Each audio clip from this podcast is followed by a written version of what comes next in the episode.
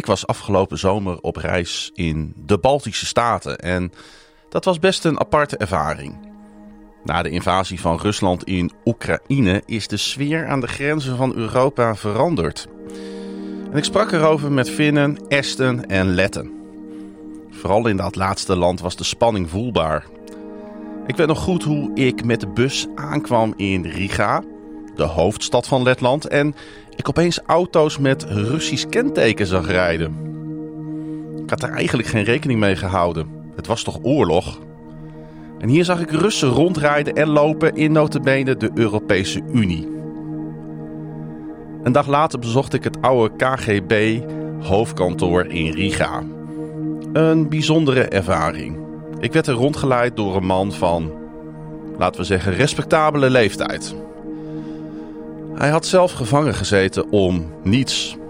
Want zo ging dat in de oude Sovjet-Unie. Angst, onderdrukking en totaalcontrole. Het verhaal van de man was indrukwekkend. De man was christen. Maar ik merkte dat zijn, laat ik het zacht uitdrukken, aversie jegens de Russen nogal groot was. Op het eind van de rondleiding door een pand waar de trieste geschiedenis van de oude afgebladderde muren en cellen afdroop, kwamen we in een soort garage. Honderden mensen zijn er vermoord, geliquideerd, omdat ze niet goed genoeg meewerkten aan het regime, omdat ze in verzet kwamen en streden voor vrijheid. Ik vroeg de man wat hij zou doen als de Russen ook Letland weer zouden aanvallen en of hij een wapen had om zich te verdedigen. Resoluut antwoordde hij dat hij niet één wapen onder zijn bed had liggen. Ik bleef even stil. Ik heb er twee, voegde hij eraan toe. Ik snapte het tegelijk wel en niet. En het brengt mij eigenlijk bij de vraag wat, wat jij zou doen. Wat ik zou doen. Jaren geleden bezocht ik het Verzetsmuseum in Amsterdam en daar wordt hetzelfde dilemma voorgelegd. Wat had jij gedaan? En wat doe jij als christen in een tijd van nood, oorlog en onderdrukking? Het is ook typisch Nederland om constant te wikken en wegen. Je zou het polderen kunnen noemen. In Letland is er weinig sprake van polderen. In een ander museum, het Bezettingsmuseum, zag ik de verschrikkingen aangericht door het Russische regime. Om bijna onpasselijk van te worden. Ik spreek deze mannen niet in om u een bepaalde kant op te duwen. Ik vertel slechts mijn ervaringen. Want het verleden doet ertoe. Zonder verleden geen heden.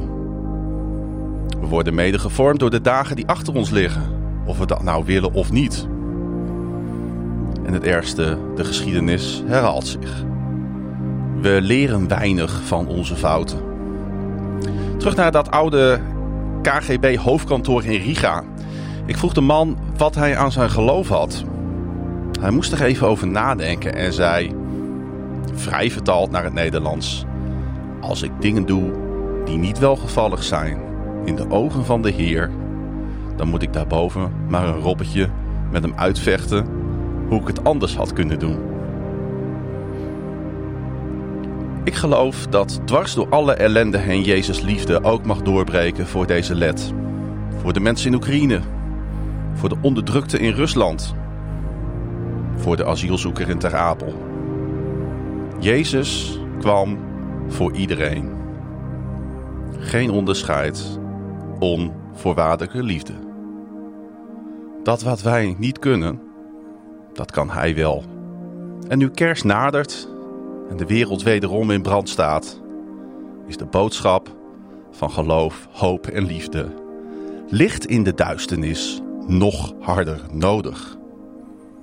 Kom, Jezus, kom. Verschijn in heerlijkheid. Christus, kom.